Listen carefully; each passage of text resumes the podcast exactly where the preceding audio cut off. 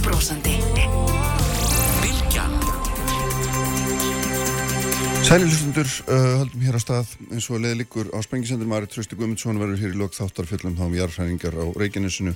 Fimbi Tarmansson, fasti ASI verður hér líka eh, í kjálfar dundrandi ræðu sem hann held að formannafundi allþjóðsambandsins að dró var þar ómerkur í máli og hérna gróf mynd sem að síðan þarf að takast á við í, í kjæra samningum og verður nú býst erfitt að eiga við þá held ég uh, með þetta sem hann er að fjalla um þar. Og þeir verða hérna Jóhannes Sturluksson og og lögur Sigurgjesson lífræðingar að ætlum þá að ræða uh, sjókvíaldi sem hefur verið mjög í deglunni þetta mjög umdelt uh, sérstaklega í ljósi síðustu frétta. Uh, en ég ætla að byrja með Hilmari Þór Hilmarsinni prófsor við Háskólan Akureyri. Sæl og blessaður Hilmar. Sæl, góðan dag. Góðan daginn, daginn. Við ætlum að þess að reyna að kortleggja kortleggja heiminn eins og við gerum nú stundum ætlum okkur ekki lítið hérna, og byrjum hérna fyrir botni botni miðra hafsins og svona, mér langar að bara freista þess að spyrja þig hvaða svona, hvaða víðari afleðingar heldur þú að þessi þessi skjelvilegu átök hafi á á svona stórvelda slægin í heiminum Þetta sko, þetta sem er gerðist þegar ára sem var gerð 7. oktober það ekki, þá var bætin með yfirlýsingu sem kom með yfirlýsingu kjálfæri sem var mjög hliðhótt Ísraél alla staði. Mm. og hétt Ísraél um öllum stuðningi sem að bandaríkin gætu veikt en hann nefndi valla palestinumenn og það sem við gæst er það að bandaríkin hafa tekið mjög harða afstöðu með, með Ísraél hafa í gegnum árin alveg frá því að Dími Carter var fórseti á sjönda áratögnum talaðan um tveggja ríkja löst en ekkert gert í því að neynur á því og bætin sendla minnst allra fórseta gert í því að koma því til leiðar og svo verður atkvæðagreifla í allsverðingi samið þjóðan eins og veist þarna, e, um það um vopnarli og þá lenda bandarikin í miklu minnirluta þau eru, eru 179 þjóður sem greiði atkvæði 14 eru er, greiði atkvæði með bandarikinum á Ísrael. Þannig að það sem þau hefur gert þetta er veikt bandarikina til leiti sem aðili sem getur miðlað málum og, og komið reglu í, á í heiminum að taka skýra aftur um öðrum aðilanum sem síðan beitir svo miklu ofbeldi að ennbætt með samni sem það kallaða þjóðarmord og hérna þannig að þetta er veikstöðu bandaríkina fyrir, fyrir rúsa og, og kynverja þetta styrkir þeirra stöðu í því að að bandaríkin ná ekki að beita finna þeina diplomatíska löstnir og þetta náttúrulega eru aðgerðir við skilum að það fordæmar árás maður fordæmir árás eh, Hamas á inn í Ísræð og, og allt það, en, en aðgerðirna, ég er allir sammálu um það að aðgerðirna sem Ísrael er að grípa til eru langt umfram það sem er eðrilegt í, í, í, í því augnamið að verja Ísrael. Já, þannig að þetta hefur haft mikil áhrif á bandaríkina og stöðu bandaríkjana og, og styrt hérna, styrt svona kannski þá sérstaklega kínverja og svo hérna komið rúsum í einhvers konar skjól frá heimspressunni náttúrulega líka. Já, en það er líka eitthvað vekja aðtekla því að, að, að, að G20 fundum sem bætinn var á í Índlandi í september, þá kynnta svo kallar India Middle East Europe Economic Corridor sem liggur í gegnum Sáti-Arabíu og, og Ísrael frá Índlandi til Evrópu og sem gríðar mikið verkefni og það nátt að koma á eðlilegu samskipti millir Sáti-Arabíu og hérna og Ísrael. Og það er eitur í beinum Írana sem styðja Hamas og Hezbollah í Líbanon og þá sögðu upp úr. Það átt að normalisera eða segja að ástand í Gaza væri allt í lægi mm. og þjóðarauðrikisrækjafi bandaríkina talaði um að það hefði verið mjög hljókt undanfærið í miðausturlöndum. Þarfum til þess að ástand í Gaza væri í lægi og það fyrst ekki að gera og auðvitað þegar það farið að tala um að, að, að Ísrael fara að vinna með Sáti Arabíu að þá þá náttúrulega er eðlilegt að það sjóðu upp úr hvernig sem það er svo, svo, svo, svo brýst út en svo er líka annaði sem alveg hún Kína og Rúsland mm. að Kína og Rúsland er að vinna saman í, í svo kvöldu belt of road initiative sem hefur tíðsett belt og braut á íslensku og það verkefni er í betni samkeppni við þetta verkefni sem átt að fara ekki til Sáti-Arbi og inn í Ísrael og til Evrópu. Já. Þannig að það er, er stórveldi samkeppni þetta þannig að Nú má segja sem svo að þetta verkefni sem bætir laði svona miklu áslá á G20 í Índlandi í september og Európa samfætti stutti mjög, mjög og, og neytan í álýsti sem byltingu, það verkefni er kannski ónýttið að það verður löngið þá það verður að veruleika. Þannig að, að, að þetta styrkir kynveri og húsa í samstæði þeirra í varandi bett og braut. Og þetta er einhvers konar svona eh, uppbygging innviða flutningskerfa og þess að það er það ekki víða, víða um heim. Já, og, og það er alveg eðlert að kynverjar sem eru útflutningstegi handkerfi sem hefur verið að vaksa 7% á ári á, á áratu 200 stærð og 10 á fresti þeir, þeir, þeir leikur mikið á að geta flutt út. Þeir eru það engar engin sjóna með Vesturlanda þeir fari gegnum, fari gegnum Íran en sínir svo þeir vinna með rúsum og svo framvegis.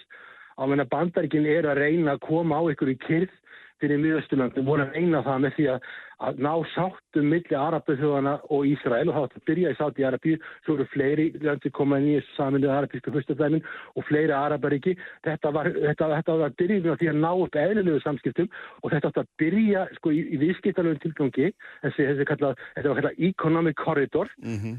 en svo var hugmyndin á bakvið að þetta myndi enda sem einhvers konar varnabandal einhvers konar miðausturlanda NATO Þannig að, að þá myndi Ísrael og Sáti Arabia fara að vinna saman í eitthvað svona varnabandalagi og það er höfuð aðstæðingur náttúrulega Íran sem er, er hérna það sem að bandaríkinn er við viðskiptabanni og Ísrael og veist, Íran viðkennir ekki Ísrael og við erum verið að eigða Ísrael og þá ætti að virka sem það Sáti Arabi og samanlega aðeins fyrstadæmin og Ísrael í baráttunni við hérna við Íran. Það, það var hugmyndin en ég meina núna er það frekar fjallast því að Araparíkin hafa fordagt þetta mjög harkalega og ekki síst sátt í Arabia Já, og hótaði að vil hernaðara gerðum. Þessar hugmyndir sem þú ert að lýsa þær eru allar upp í loft í ögnablikinu og, og hérna, eins og var búið að vinna þessu raunveru mörg ára og, og, hérna, og nátölu verðum árangri verður að segjast. Já, það, það stemdi í það að það er eitthvað svona normalisering en vandamálið er það. Sko Ísraelsmenn, þegar maður heyrir, þegar maður heyrir, heyrir netan í á eða maður heyrir til dæmis fulltrúa í Ísrael hérna hjá samlið þegar maður tala, þá, þá, þá stilla þeir klukkunni á 7. oktober 2023 eins og þá hafði þetta byrjað. En við erum að tala um áratuga vandamál sem er það að það er, hefur ekki tengist tveggjaríkjalöst, bandaríkinn hafa stutt og, og Abba sem er á Vesturbakkanum leittói palestinum hann þar, hann hefur talað fyrir tveggjaríkjalaust, það hefur ekki fengist. Netanyahu, hann hefur verið á mótið tveggjaríkjalaust, hann vil búa til eitt stór Ísrael og Hamas vil, vil líka eitt ríki sem væri þá, væri þá bara Palestina og hann vil eigða Ísrael. Þannig að það er það sem er vandin en vandin við þess að hugmynd Netanyahu og þess að hugmyndin hann er að vera með stór Ísrael er það að, að Ísraelsmenn, Ísraelski geðingar eru cirka 7,3 miljónir en palestinum er samanlagt í Gaza, Vesturbakkanum og svo Ísraels halvu eru cirka 7,3 miljónir og palestinum eru fjölgað með fyrir hraða því þeir eru yngri Þannig að ef að það er eins, einsríkislaust, hún myndi bara þýða það að palestinumenn eru því meir hluta og Ísraelski geðingar eru því minni hluta í þessu ríki og þá verður ekki minnlegt geðingaríki eins og Netanyahu vil. Þannig að þessi löst sem að Netanyahu er að benda á hans ríkistjórn, mm. hún gengur ekki upp fyrir Ísrael. Það er ekki að löstni sem bandaríki stiðja og palestinumenn á Vesturbakkanum, hún hefur hef, hef, fengið stuðning í orði og færi meðan svo Íslandsku stjórnstofnum og mörgum ríkjum, en það verður ekkit afnæni því að eina landi sem Íslandsku á eru bandaríkinn, en bandaríkinn hafa aldrei viljað beita Ísrael leinum alvöru trýstingi í þessu máli. Það er, eins og þú segir að þetta er þetta, svona hefur lengi verið talað um þetta sem einu lausnina en, en hún verður nú að teljast ansi fjarlag þegar að þessar tvær fylkingar þar að segja annars vegar Ríkistjórnin Ísæl eins og hún er skipuð í dag og hins vegar Hamas eru við völdin, þetta eru náttúrulega uh, þetta eru öll sem enga veginn vilja semja um um neins konar aðlögun. Nei, þetta er alveg mikil aðrið sem nefnir Ríkistjórnin sem er í dag. Málið það að Netanyahu verður að fara frá. Málið það sko að hann, hann hann, náttúrulega það sem gerist á þetta fyrst er það í 7. oktober þegar það varst í Ísæl að þá er hérna, er herin og bleiðinhjóðstan algjörlega með uh, buksirna á hælunum, þeir eru, eru alveg óviðbúnir og þetta eru mikil árás og Netanyahu grýpur síðan til þess að harkalega aðgerða. Hann hefur personulega fata til þess að vilja halda þessi stríði áfram vegna þess að hann er með, með, með ákærur á sig, ákærur sem að gæti reist honum mjög erfið sem segja hann geti lett í fangis ég veit það ekki fyrir vist sjálfur en að hann ákæru gett sér en á meira stríður í gangi þá eru viklu minni líkur á því hann þurfa að láta völdum. Ef hann, verið, ef hann missir fastsettsfólksembætti og ríksins springur þá er hann í miklu meira hættu. Og áður en þessi indræðsvakir 7. oktober þá voru bandaríkjum að gaggrina netan já og hans ríkjum fyrir að vera að breyta domstólakerfinu og breyta domskerfinu í Ísrael. Netan já og öðrum slíkum til, til hagspóta, þannig að það verið minni líkur að þeir eru sakveldir. Mhm. Þannig að þarna voru átök áður en þetta, áður en þessi innvars hófst og Netanyahu náttúrulega hann komið líka mjög einaklar. Til dæmis fórsiti Tyrklands var að kalla sendera Tyrklands frá Ísrael og tala mjög harkalega gegn Ísrael og Araparíkin eru líka mjög óanað þannig að, að, að ég sé ekki sko, eins, þetta, þessi stór Ísrael löst, hún gengur ekki upp og svo líka bara voru í gæri mótmæli fyrir heimili Netanyahu uh, það sem að Ísrael heitt að hann veri farið frá völdum. Og það var eðlilegt í fyrst er innláð sem var gerð að Netanyahu hef, hefði stuðning fólks í Ísrael. En, uh, en svo þegar tíma líður þau sjá að fyrsta lagi að herin var óbúin, leyninsvæmst var óbúin og svo eru gripið til aðgerða sem allt alþjóðsamfélagi fordæmir að vaksandi funka að þá er, verður, ég sé ekki fyrir mér að, þetta ábyrgdi geti haldið áfram í, í langa tíma, margar vikur eða slíkt að þetta lítur sem hlýtur að vera að ljúka.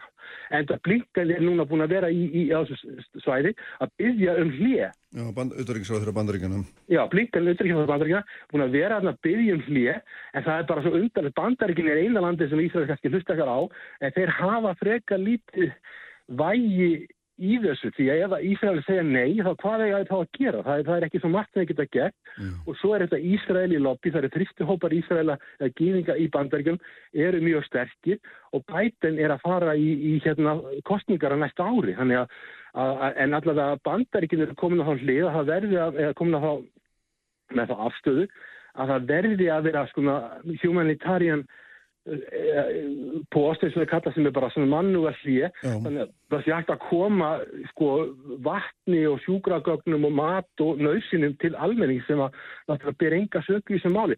Um að það, að það er bara kannski 1% palestinum á gasasæðinu sem eru í Hamas. Já, já. 99% er ekkert í Hamas. Og er, er stiði ekkert endilega Hamas? Nei, nei, þeir voru nú reyndar fengu nú hérna, gott betur en það í síðustu kostningunum sem framfóru fyrir fyrir einhverjum árum á þessu, þessu svæðu auðvitað. En, en hérna það, þannig að, en það er rétt að það er ekki þetta er ekki sami þetta er ekki sami hlutur, sko, það sem enn tala mikið líka um er, er auðvitað svona sko, víðari áhrif þessara sérstaklega þessara átika á gasa á þessu svæðu þá benda mér náttúrulega sérstaklega á Vesturbakkan og, og landamæri Ísraels og, og Líbanon þar sem að hérna eru nú er, hafa verið endur tekin átöki gegnum, gegnum tíðina, ég meina Líbanon er náttúrulega annars gjaldróta og, og hérna og það eru þetta púðu tunna þarna á þessum landamærum, ekki satt? Jú, það er Hezbollah sem er stutt að Íran er miklur öflur að satt hernaðlega heldur en, heldur en, heldur en uh, miklu öflur að heldur en Hamas það lögði síðan miklu 130.000 eldflögur hann á landamærunum og Og það sem er í hættulegt við þessa árás, ef að Hezbollah gerir innfrás inn í, inn í Ísrael, þá eru að gáða því að kjartorku verið Ísrael eru þarna fyrir norðan, sko, í norður Ísrael, rétt farið í landamenn, mm. í Lebanon. Þannig að, sko, Ísrael er kjartorkuveldi. Og svo er Sýrland getið dreifist í þetta, getið gólanhæðir, fyrir norðan líka. Og svo getur komið ókýr á gasasvæði, hérna á, á Vesturbakkan. Mm. Og, og það reyndar hefur fólk verið dreifið en í, í, ekki í smiklu mæli þar geti skapast mikil ókýrt og svo náttúrulega Íran sjálft þegar íst inn í þetta og sem er mjög hættulegt og, og, og þetta breyst út og hérna og þú veist að bandaríkjum hafa sendt tvö flugumóðskip á staðin til að reyna að segja, senda það skilabóti þessar aðila að halda sér til hlýja þessi sendu Gerard Ford, stærsta flugumóðskip sitt og síðan líka Eisenhower. Það eru tvö flugumóðskip frá bandaríkjum komin á staðin, það eru 2000 herrmenn um borðið í þessum skipum og náttúrulega hlutan orðstóttunar. Þannig að, að, þannig að þetta lítur ekkit vel út en ég meina, en, maður reyna að sjá hvort það kemur eitthvað út úr þessari herrblinken. Það er eins og að sé ekki auðlust að, að það myndi koma mikið út úr þessu. Netanyahu hefur þann kvata, hann er búin að lofa ísraelsku þjóðinni að, að gera út af við Hamas og ef að það verður vopnallíja þá mætti mæt tólka það sem að algjörðan ósugur fyrir hann og þá myndi krafan um það að hann færi frá verða háværið. Þannig að við, þetta er nánast sigla í algjörst, algjörst öngstræti og, og meðan þjáist náttúrulega bara allur almenningur. Já. Og, eins og alltaf á svona átakasvæðum. Já, það þjáist náttúrulega, sko, svo sé það saminni þjóðu ennbætt, menn þeir, hafa enga kvata til að íkja stöðuna, þetta er þjóðar morð, skilju, það er mjög spelt, sko, þú gerðir ekki lengra en það. Þannig að, að þetta er mjög slegum stað, en þannig að það gætur í stjórnarskipti í Ísrael, en er hjá mun mun uh, náttúrulega vilja sitja eins lengi eins og hann getur og stafa bandaríkjana er ekkert volið að trista á Ísraelsmenn þess að þeir vegna kostninga og vegna þess að Íslandsmenn eru bara, Íslandsíkningar eru mjög sterkir í bandaríkjunum, þannig að við verðum að býða og sjá, náttúrulega bandaríkin eru komin núna í það stöðu, þau vilja eitthvað svona vopna líka, þau vilja að því það er bara, það er, það er svo mikið þrýstingur, alþjóðlegu þrýstingur í þessu máli að, að, að þau verða að láta, láta undan því. Er, er Evrópa alveg máttlaus að þínu mati í þessum á þessu svæði? Er þetta, þetta snýst allt um bandaríkinn fram og tilbaka? Er, er, Já, er Evrópu málið. þjóðnar hérna, þau hafa engin áhrif, eða þær hafa engin áhrif, segja ég. Sko, Európa-sambandi getur haft áhrif með því að lofa styrkjum menn hafa þessi betur eða verið með diplomatískan þrýsting og allt þetta og Európa-sambandi var mjög hrifið þessu verkefni bandaríkjana með tengingum í getum Ísraeli, þetta hérna India, eh, Middle East, Europe Corridor en sko, er það eins og með, með Evrópu þá vitum við það, sko, Európa-sambandi er ekki með sameigilegan her og, og herið er í höndum þjóðuríkja. Það eru þjóðuríkins ráð yfir herjunum og bandaríkin er með stærsta herin sem þjóðríki. Þannig að bandaríkin eru algjörlega líkil þessu. En ég sé ekki sko að, að, að, að Europasambandi getur beitt diplomatísku þrýstingi og Europasambandi getur lofað fér til uppbyggingar eða einhvers konar koma að því þannig að þeir eru ekki minnið hér til þess að geta beitt neinu valdi. Þeir eru ekki minnið flugmóðskip sem þeir geta sendt þarna til að, til að hérna reyna að stöðva það sem bandaríkjum er að gera núna er að reyna að stöðva útbreyðstu strísins með þessu flugmóðskipum. Mm. En það getur verið tví ekki, það getur bara, ef, ef að stríð blossar upp allt í einu, þá veist ekki hvað það endar. Men Sáti Arabia fær komin í þetta, saminnið af arabísku fyrstadæminu, hvaða lönd, Sýrland komin í þetta, Íran komin í þetta, og þá getur ímyndað hvert orkuverð verða olí og gasi þegar í heiminum í, í framhaldinu. Og maður heyrir nú við hann að þetta bollaleggingar um það að Íran og, og Hezbollah mun aldrei leggja út í þetta vegna þess að, að þeir treysta sér ekki átök við, við Ísrael. Jú, það, það er alveg rétt, en, en það sem vekur aðtikli, það sem vekur aðtikli hjá Hamas, hvað Hamas hefur, hefur oft gert innráðs, Hamas hefur oft ráðist hérna inn í Ísrael. 2006, 2008, 2012 og 2001 og svo núna, en þetta er svo mikið núna. Og þess að hertaðsefleika sem ég er að tala um að segja mér að, að, að þeir hafi bara verið komnir með miklu meiri, þeir eru betri þjálfur, þeir eru með betri vopn, hugsanlega frá Úkrænu sem hafa lent á svörtum markaði hugsanlega frá Afganistan. Og svo er líka sagt að, að Hisbóla sé orðið miklu öflugra heldur en það var síðast þegar voru áttak á landabaranum. En eins og þú bettir á þá Líbanon í, í mjög slæmi standi efnaðastu og pólitíst þannig að það hefði gríðalegt áfatt fyrir Líbanon ef, að- ef að þetta er í því en, en ég meina sko það dætt engum til hugar að Hamas gæti farið inn í Ísrael og drepið 1400 manns og tekið 200, hvað, 240 gíslaða hvað það er svona tölur hafi ekki sést áður eða það var mjög langt síðan að eitthvað svona hefði sést Nei, nei, nákvæmlega. Uh, nákvæmlega. Sko, hérna, við langar aðeins hérna, beinum aðeins sjónum til Úgræni í tengslum við þetta vegna að það er eitt af því sem maður sér að er svona líka augljóst og, og skýrast náttúrulega í bandaríkjunum er að hérna, stuðningu við Úgrænu mingar eftir því sem að átökin fyrir botnum viðarhafs uh, svona ná, ná farsíðunum ef svo má segja. Já, það vakti aðtryggið síðast þessi lenski fór til bandaríkjana að þá var McCarthy sem þá var, var þá fórseti bandaríkja þings hann bauð honum ekki að áarfa þingið. Og hann sagði bara við hann sko I have some tough questions. Það er erfið að spurningar um accountability um spillingu, hver, hvert eru peningarnir sem við erum að senda að fara og vopnin? Og það vekur aðtryggið sko þegar, þegar bandaríkinn hafi verið að senda vopn úgræn hinga til og hefur ekki verið gerð krafum að verið að rekja hvert vopnin er að fara. Nei. Bandarking vildi ekki gera það kröfu. Þannig að hann var með st- stóra spurningar og síðan fór hann frá, áður en hann fór frá var að hafa samtíkt þarna 45, 45 hérna daga fjárlög, neyða fjárlög og Úkrænastöðun tekin út.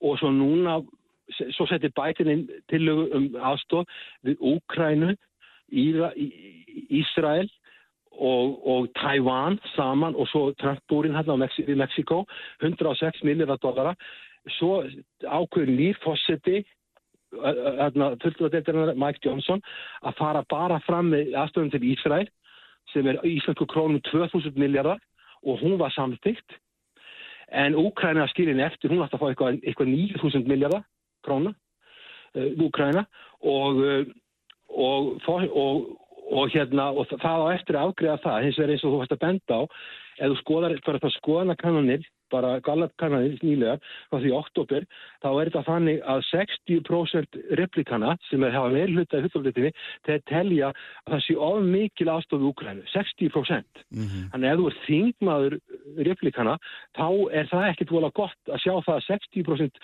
flokksmanna, almenna flokksmanna telja að sé búið að gera mikið í Úkrænu. Demokrata hins vegar styðja aðstofun af Úkrænu og það er ekki, það er ekki 15% demokrata í, í, í bandaríkjum sem telja aðstofun af Úkrænu sjórun á mikil. Og, eh, og svo er þingi bara í kjönfari eh, minni, minni hérna áhugi aðstofu Úkrænu og líka því þetta counter-offensive missefnaðist algjörlega. Og svo eru hersöðingar í Úkrænu, þannig að rýfast í Selenski og segja það að, að, að það sé bara partsta á landamæronum, það var frozen konflikt og að eh, að þeir séu bara þarna reyndi vandræði með manna herin og við höfum talað um þetta sprengið samt í eitt og halvt af að hérna, sko við erum að tala um einna mótið fimm í samfættum fólksjölda og, og, og hersöðingin er að segja við, við, það er vittna bara, það er bara í New York Times og Washington Post og svo framvegs, þetta sé bara þeir, þeir hafi ekki mannabla lengur eða þetta, það var að koma, þeir hafi ekki mannabla til þess að vera hérna í þessu og þá segir hérna Selenski að þeir séu bara að gera eitthvað sem að hjálpur Úslandi mm. Ég hefði kannski ekki hann að kalla, að kalla á Putinista, en þetta er bara raunveruleikin sem er í, er í Ukrænu að, að löndi sem hafa verið að veita allt og sjá það að það, þetta er ekki að skila árangri. Og það átt að semja fyrir einu og halva ári í mars 2022. Það er pattstaða, það er fróðsönkonflikt þarna, það er ekki mikið reyning, það er aðeins reyning fyrir austan, það sem að, það sem að rússar vilja ná Karkiv sem er gamla höfuborg Úkræni sem er næst eftir borglandsins, vilja ná henni og kannski Odessa, en er allavega sko það er alveg ljósta að, að þeir sem að stjórna herjónum á landabærunum við, við, á ílunni við Rúsland eru fattin að hafa að sendi og þeir eru fattin að láta það í ljós ofinbillega og svo sé lenski náttúrulega svektur í því að nú er Úkræna eins og þú varst að benda á að Úkræna er ekki lengur mikið í frettum. Nei, ég þú veist því svona að hefur verið skotið til líðar tímabundi, það er alveg ljóst. Já, það er ekki, ég meina, ég veit ekki sko, ég meina, þessi, það sem ég er að tala um, ég hef ekki breytið skoðin í eitt og halvt ár, að þetta gengur ekki upp og þetta er þessu auðvitaðriksræðar Íslands og fleiri auðvitaðriksræðar Vesturlanda að Úkræna verður að vinna stríði þetta er bara hérna loftkastalar. Það er ekkert á bakvið þetta. Er algjör klúður því miður. Mm. og hérna og, og hérna Úkræna stendur fram með fyrir vondum kostum og af því að við erum með svona miklar deilur um hérna landsvæði og um stöðu landsískakvært Europasamhættunar NATO og um skadabætur sem eru orðnar alveg hrigalega sem þetta úgræði þetta fá til að bæta upp tjóni sem orðið hefur að þá eru líka á þetta haldi áfram og eins og herrfóningar í Úgræn er að benda á tíminn vinnur á móti Úgræn það, það er ekki ég sem er að segja þetta, það eru þeir sem er að segja þetta. Já. og þeir segja, þeir segja þetta bara við stærsti fjölmjöla heimsins. Já, nákvæmlega þannig að hérna staða þeirra hefur kannski heldur vestnað þínum að þetta og svona samlýstaða? Það er engi samlýstað og, og Selenski hann, hann hefur ekki gefið kost á hennu samlingum. Auðvitað skilum að vel að Úkræna vilji halda öllu sínu landi og, og allt það, maður skilur að þessi sjónamið og, og rússar eru búin að vera fyrir miklu áfætti, þeir vil ekki gefa neitt eftir. Putin þarf að geta sínt að hann eitthvað hafi áunist með þessu stríðið sínu og hann, hann getur þá sínt að hann hafi tekið eitthvað land sem er mikilvægt, það eru mikilvægt auðlindir í Östur-Úkrænu, hann er með krímskaðan, þannig að krímskaðin verður ekki NATO flotastað í framtíðinni, þannig að hann er búin að tryggja það, hann er búin að tryggja okkur öryggi rússans, hann vil ekki sleppa því, það er pólitíst ómögulegt, Silenski er í pólitískum ómöguleika líka Þess vegna því miður held ég að þetta verði stríð sem heldur áfram töðuslanga tíma, kannski tvö árið eitthvað geti verið mm. og hérna nema, nema að bandarikin hætti algjörlega aðstofu Úkræni sem er ekki óhugsandi, þá mun þessu stríði ljúka fyrst, þá er hernar aðstofið farin. Mm. Og svo eru bandarikin líka að, að, að reka ríkisjóð Úkrænu, grunn, helbriðsjónusta og mentamál og allt þetta er ekki með budget support. Ef að það hættir þá mun pólti staða Selenski verða mjög erfið. Þess að hann getur ekki lengur rekið ríkisjóð Þannig að kostningarnir í bandaríkjanum næstu gætu orðið mjög aðdregaríkar fyrir úgrænum Já, það verða kostningar í november og nýr fórstið tökum við upp að við árs í janúar, janúar af 2025 mm. og, og, hérna, og við sjáum það að replikanar eru eru, eru stuðningur þeirra er, er, er að minka mikið ekki bara í þinginu heldur hjá þjóðinni. Þannig að það er, það er mjög erfitt, er, erfitt mál og, og svo er Biden stendur ekkit og vel, hann er með komið með tvö stríð og þú tekur ekki því að þegar hann sækjur um peninga fyrir Úkrænu og Ísrael, þá byrður hann líka um peninga fyrir Taiwan. Já, og þar er mjög mikið spenna, þar eru bandarækjum að byggja upp heri á Philipsegjum Japanir eru með mikla hernaruppbyggingu hernaruppbyggingu í Singapúr. Þetta er allstað svona skilja það er þessi ofsa trú á að við getum unnið heiminn með, með, með hernaði og með vopnum. Og, og við sjáum að þetta er ekkert að virka. Og svo náttúrulega við við það bandarækjum voru 20 ári stríði í hérna í, í hérna frá, frá 2001 til 2021 í Afganistan.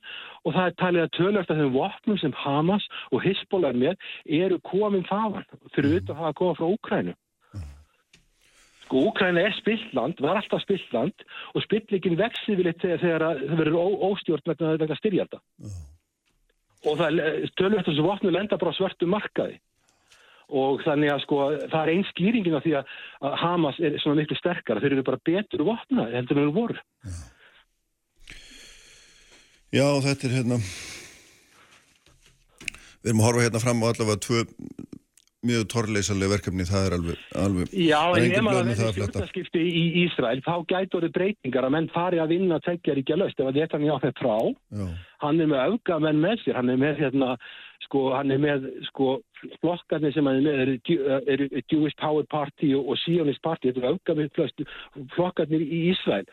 Og ef þú veist með þessa aðila í stjórnvölin að þá er ekki mikil vona á laust, en ef að ef að þeir fara frá og það kemur önnur ríkistjórn og bætum þeir átta sig á því að hann verður að gera eitthvað í málinu og Ísraelsmenn sjálfur þá geti eitthvað gerst í Ísrael. Já, og fórsendan vantilega líka að Hamas röklist frá hinum einn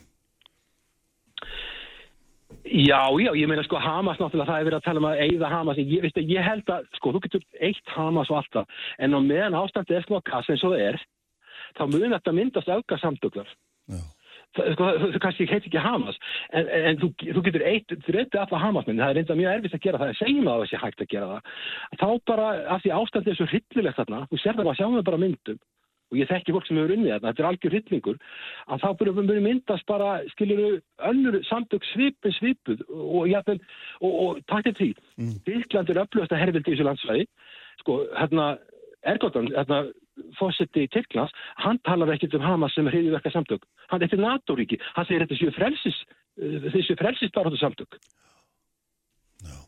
fósetti Tyrklands já, eitt af st- st- stærsta, na- st- næst stærsta NATO-ríkið skilur er minna landu upp á eitthvað ekki 80-90 viljum manna lang, öflugasti herin hann er næst, hann er öflugasti herin í, í, í, í miðsturlandum og næst kemur Ísrael. Já, og hann talar bara með þetta séu frelsis samtök hann horfir alltaf öðruvísi á þetta Já, já. og hann er flestir, flestir hérna Tyrkir eru að hann er að horfa út úr þeim og hann kallar það frelsis samtökum bara í þetta bandaríkjum, hann kallar það hriðiverka samtök og, og náttúrulega það sem þeir gerðu 8. oktober 2023, en það var alltaf algjör hryllingur, en Já. það má ekkert gleyma fórsögn eins og kýmverðar hafa bent á kýmverðar, sendi að sendi að kýmverðar saman tók, sendi þeirra Ísraels í teppið í, í, í samnið þjóðum og benti bara á það, ok, klukkan byrjar ekkert 7. hérna oktober 2023, þetta er, þetta er langt löng vandræsta langt aftur í tíman sem var rættu langt aftur í tíman og palestínum minn eiga bara rétt á því að lifa mannsamandi lífi og lifa eins og þetta er- er ekki, eins og sendi herra Palestínu sagði í hérna í, hérna, í, í, hérna, í samþjóðan við, erum not subhumans, við erum, við erum bara venjuð, við erum fólk, við erum ekki svona einhvern undirflokkur fólks. já. Ég held hérna að við komumst ekki lengri í bíl, Hilmar, en takk innilega fyrir þessa hérna frábæri yfirferð. Takk að kella, takk að kella fyrir. Takk, takk. Og hérna, uh, við höldum áfram hér, förum þá hingað heimalið, ætlum að ræðum sjókvíja eldi á eftirverði hérna hjá mér Jóhannes Sturlugsson og Ólaug Sigurgesson. Sprengisandur. Alla sunnudaga á bylgjunni. Kraftmikil umræða. Alla sunnudagsmórna. Sprengisandur á bylgjunni. Sælir aftur hlustundur, uh, höldum hér áfram á Sprengisendunum, Ari Trösti Guðmundsson verður hér í lok þáttar og, og uh, Fimbjörn Hermansson, fórsti ASI verður hér á eftir en ég ætla að fara hér í umræða núna sem að ég oft sinns verið með áður um, um uh, stöðu sjókvíaldis í Íslandi er nú eitt svona þessum umdeldu málum samtímas uh, Ólaug Sigurgesson, lektor í fiskkeldi við Háskólinu Hólum er í Símónu Sætla Blessaður Ólaug Já, góðan daginn. Góðan daginn, góðan daginn og hérna hjá mér er Jóhannes Sturlaugsson lífræðingur sem hefur eitt æfin í að rannsaka hefðun og venjun lagsfiska, sæli báðir, hérna, sæli Jónis líka. Góðan daginn. Sko, hérna, við, það sem að við, það sem að við, hérna, frá því ég byrjaði að reyna að fá ykkur hingað, þá hefur auðvitað eitt og annað gerst og, og núna síðast þessi gríðarlegi lúsafaraldur fyrir vestan og hérna, maður sér það að svona, sko, það er, það er konar veflur að marga og, og það hefur alltaf verið uppi krafa um það reynlega hætta sjókvíaldi og hérna, Jón, þú hefur nú verið reynlega þeirra skoðunar því ég er bestur síðan. Jú, jú. Og, og, og hvað segir það núna? Hvað, hvað hérna, nú hefur þú fengist við að rannsaka lagsfiska í bara alla þína starfsæfi. Jú, jú, það eru komið 35 ár. Já. Ég hef auðvitað bara fylgst með þessu og núna síðustu árin reynda verið að rannsaka sjókvíja, áhrif sjókvíja eldis lagsa á lagsa og, og reyndar sjókvæsting líka. Eh, ég segi eh, sem fyrr, burt með sjókvíja eldið, ég verð að segja það bara eins og er. Ég það eru alls konar tilfinningar tengdar þessu og annað en, en það er eitt sem við þurfum að hafa í hávi og það er íslensk náttúra mm -hmm. og þetta fer ekki saman þetta er ég, mennum finnst það kannski grótt að segja en þannig er að þetta er, ég segi suppu yfirnaður sem hefur þau áhrif að við erum að ganga á Íslensk lífriki og hvað, hvað er þar í gangi? Jú, við erum með þessa úreldu tækni, eldistækni, netboka sem við erum að dragast með hér með ströndum á vestan, við vestvirði og austvirði og, og jú, hvað er þarna baki? Það eru ykkur gróðasjónamið og reyndar aðtunutækifæri ákveðnum byggum. Mm. En það sem að vegu miklu þingra, það er íslensk náttúra, það eru lagsastofnarnir því að þetta er ekki bara staðbundið, fiskarnir eins og við þekkjum núna, það er nú nýbúið að vera að fjalla um og það er enn verið að fjalla um og verður fjallað um uh, þessa slísasleppingu síðustu Já. og það er um all land, það eru sem sagt hátt í 500 lagsar í uh, tæmlega 60 ám skráðir mm. og sínir okkur að það sem við erum að horfa á er mesta umhverfislið sem varðar uh, ferskvast lífríki á Íslandi, þá er ég að tala um viðfemmasta, þetta er ekkit staðbundu í einhverju einu kerfi eða eitthvað, mm. út af því hvernig þessi lags hefðununa sér, hann fer í ár, ekki einhverja eina á, hann fer út um alla trissur, mm -hmm. þá erum við með mesta umhverfisli sem varða ferskvast lífríki á Íslandi frá því að þetta land byggðist og þetta er taldið svakalegt að þetta er drifið áfram á stjórnvöldum. Mm. Þetta er ekki bara eitthvað sem er sambarilegt við það sem er í Nóri, Írlandi, Skotlandi, Kanada og allstaðar það sem þetta kvíaeldi er stundað því að hér eru við með norskan eldislags sem að erðafræðilega hefur miklu verri áhrif heldur en til dæmis það sem er að gerast í Nóri varðandi erðablöndun en þar er hann þó af heimastofni mm.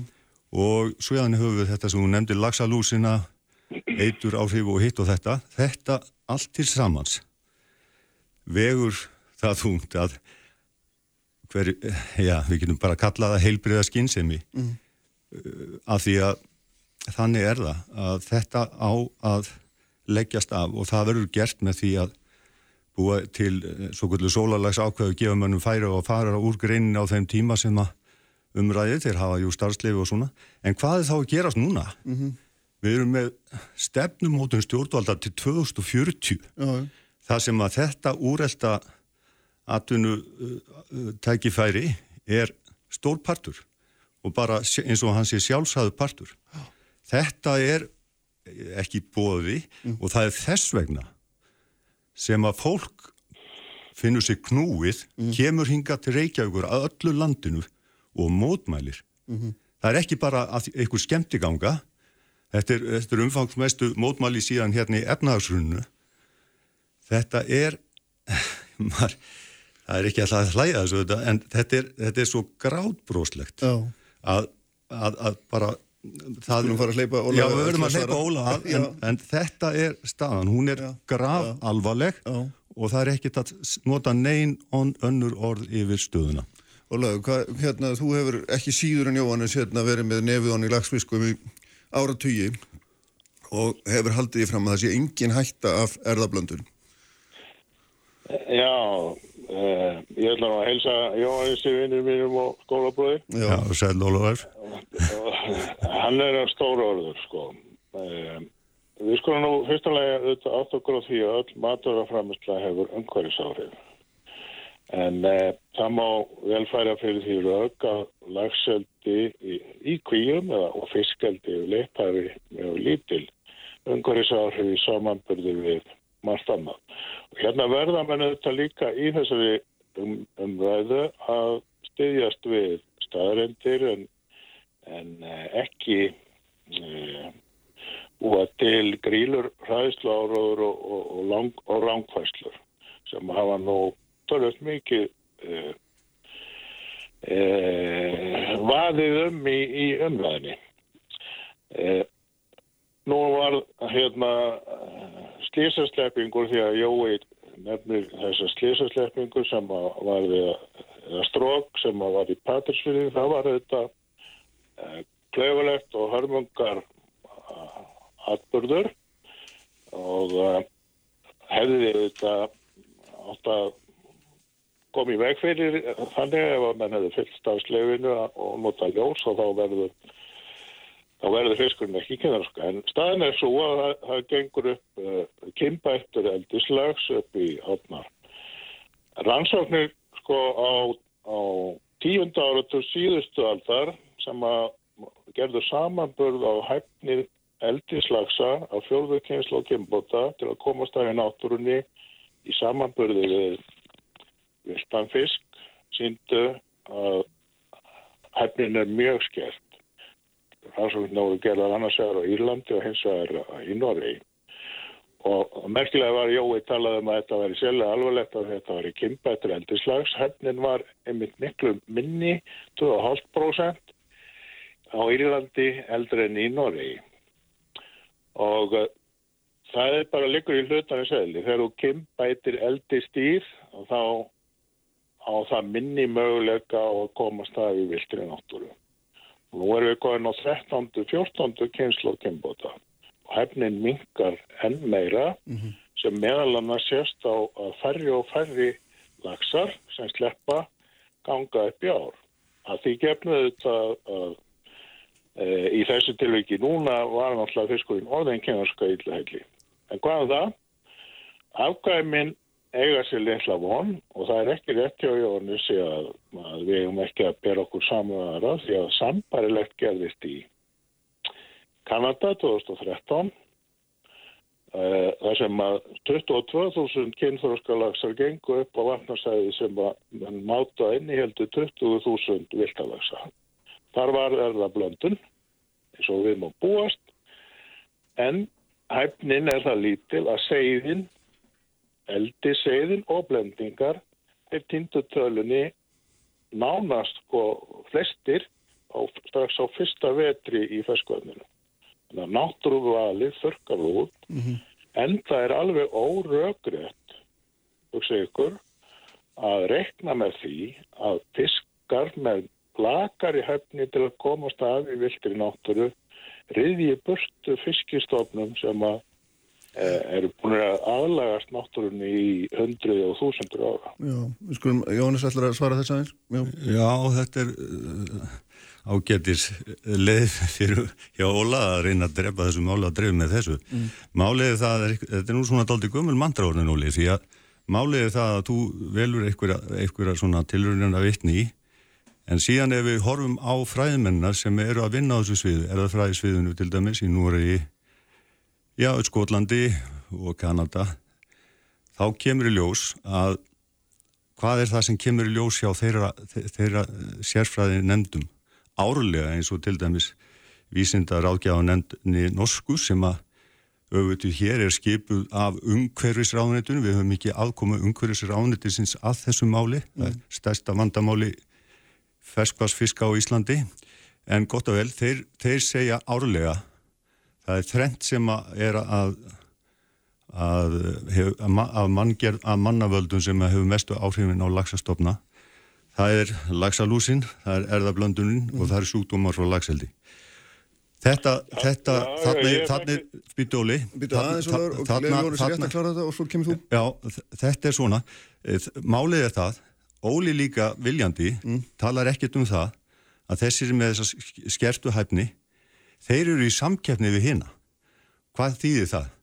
Þeir eru um, í samkeppni um æti og annað og það sem þessi sérfræðingar segja, sem að Óli ætti þá bara lesa, er það að hver einasta kynsluð það sem þetta er að eiga sér stað, þá fækkar í stofninum og það er út af samt, já, villta- síðan villta eru það blendingarnir Já. sem fara til hafs þeir koma tilbaka, þeir eru líka vandamál en svo er eitt sem er alveg stórkostlega sko, varðveitt va- va- hérna, lendamál, það eru snemkjónska hængarnir, það eru hængseiði sem verður kynþóska ánum, þeir þurfu ekki einu svona fara til hafs. Þeir eru bullandi sko, núna orðnir sem sagt, eldis, af eldisuppruna.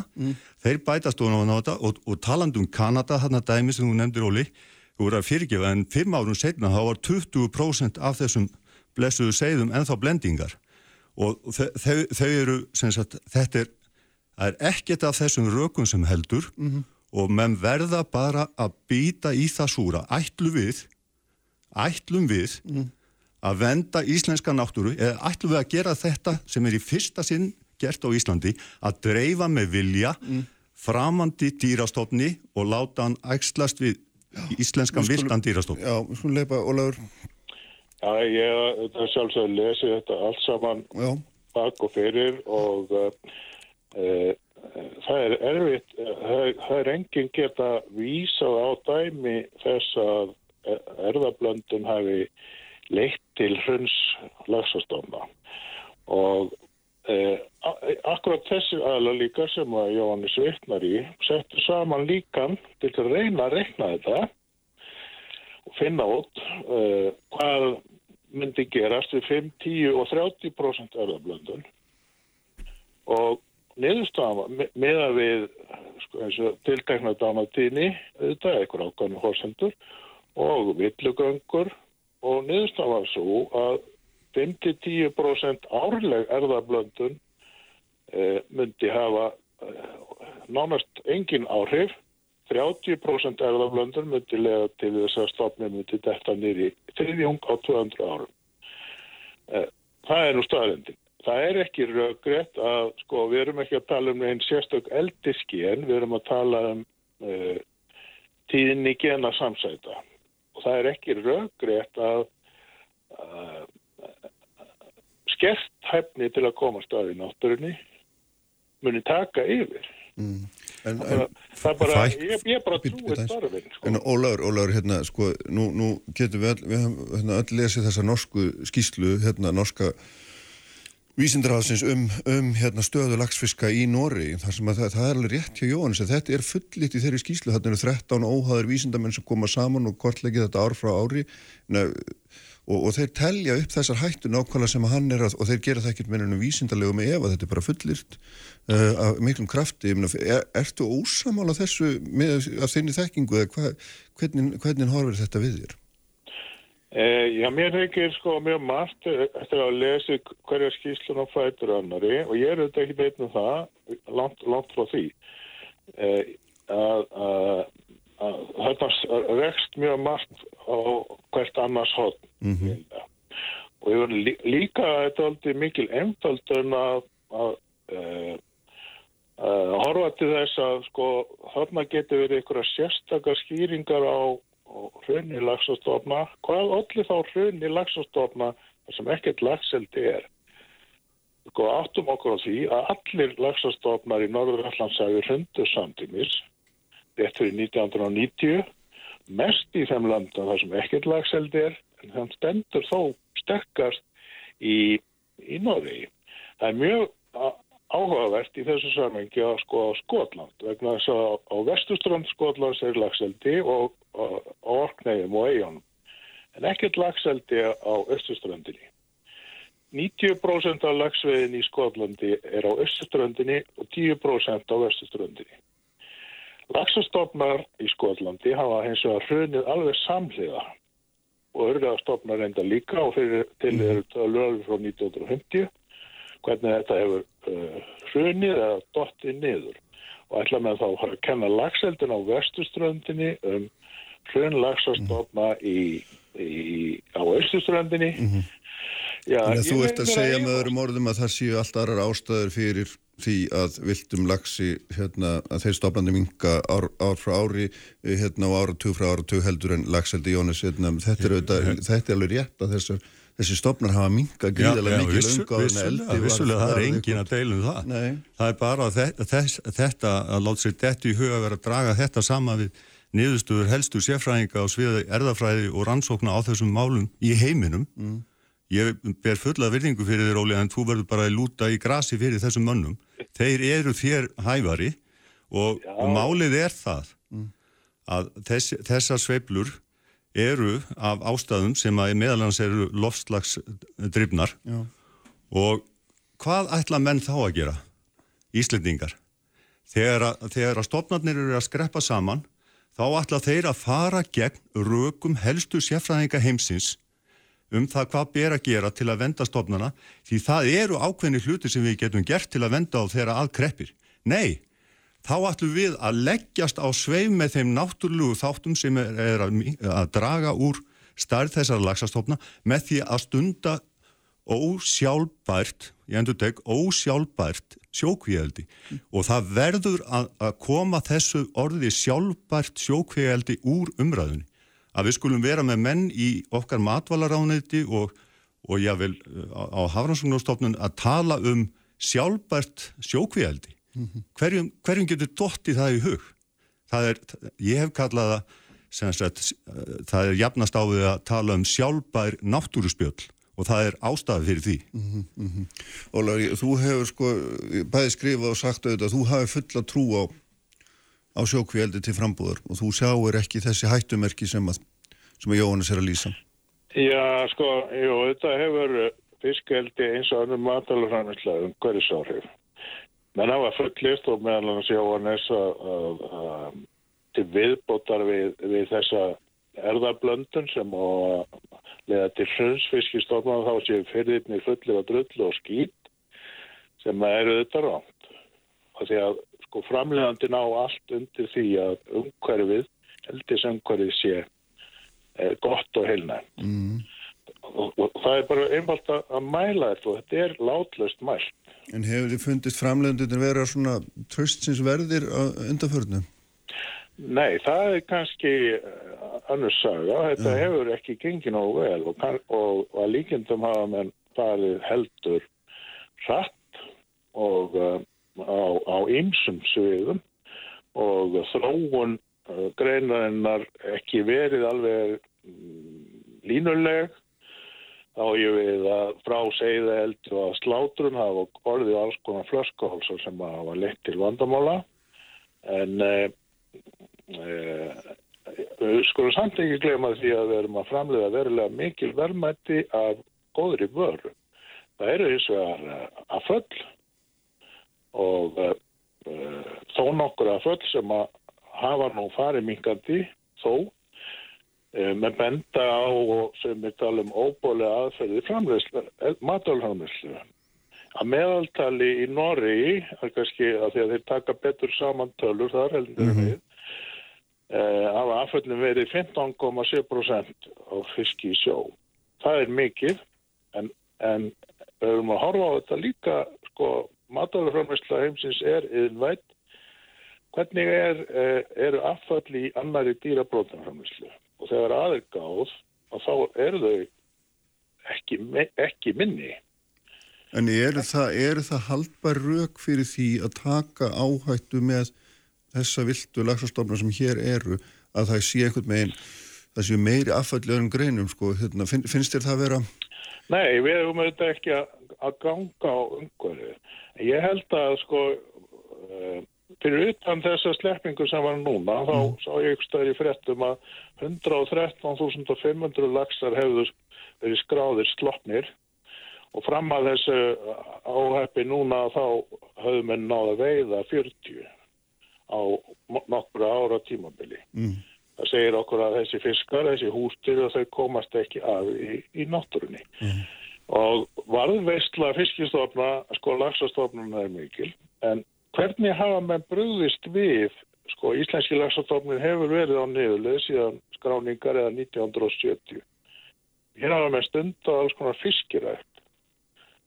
Eh, er, er, er það víst að það hafi verið til góðs og við vitum líka og þurfum ekki að setja upp neitt helgisvip um það að menn hafa dreift lagsastofnum hingað og þangað af alls konar upprinn og gera reyndar enn.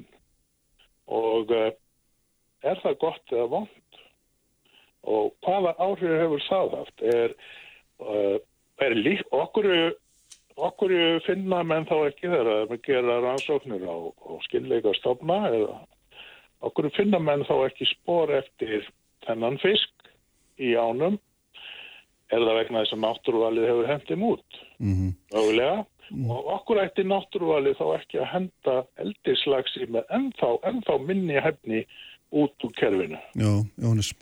Já, það er, það er nú þannig að það er nú ekki þannig því að mér er að segja Hafránssongrunstofnum var nú að byrja í suma skýslu og, og það voru eldislagsar hérna frá síðustu uh, eldislótu okkar Íslandinga þannig að það var ekki búið að henda þeim einu sinni út það reyndar ákveðins út um. Já, sko, það, það er doldið smjörglýpa að fara að ræða kollaferðarfiskin hérna þegar við erum að ræða doldið alvarlegt vandamál. Málið er það að... Það náttúruval og erðablöndu. Já, þú er búin að, búin að því í rauninni, Óli. Málið er það að uh, við erum að tala líka um þetta sem komst inn á dýravelferð og annað og við vorum bara á erðafræðinótunum hérna áðan en laxalúsin auðvitað er þannig að við vorum nú bara síðast í gæri að heyra fréttir af miljón lögsum sem að voru að engjast af sárum alveg inn að beini af því að það var laxalúsin var búin að geta sig í gegn og síðan bakt, voru bakteríurnar að klára dæmið.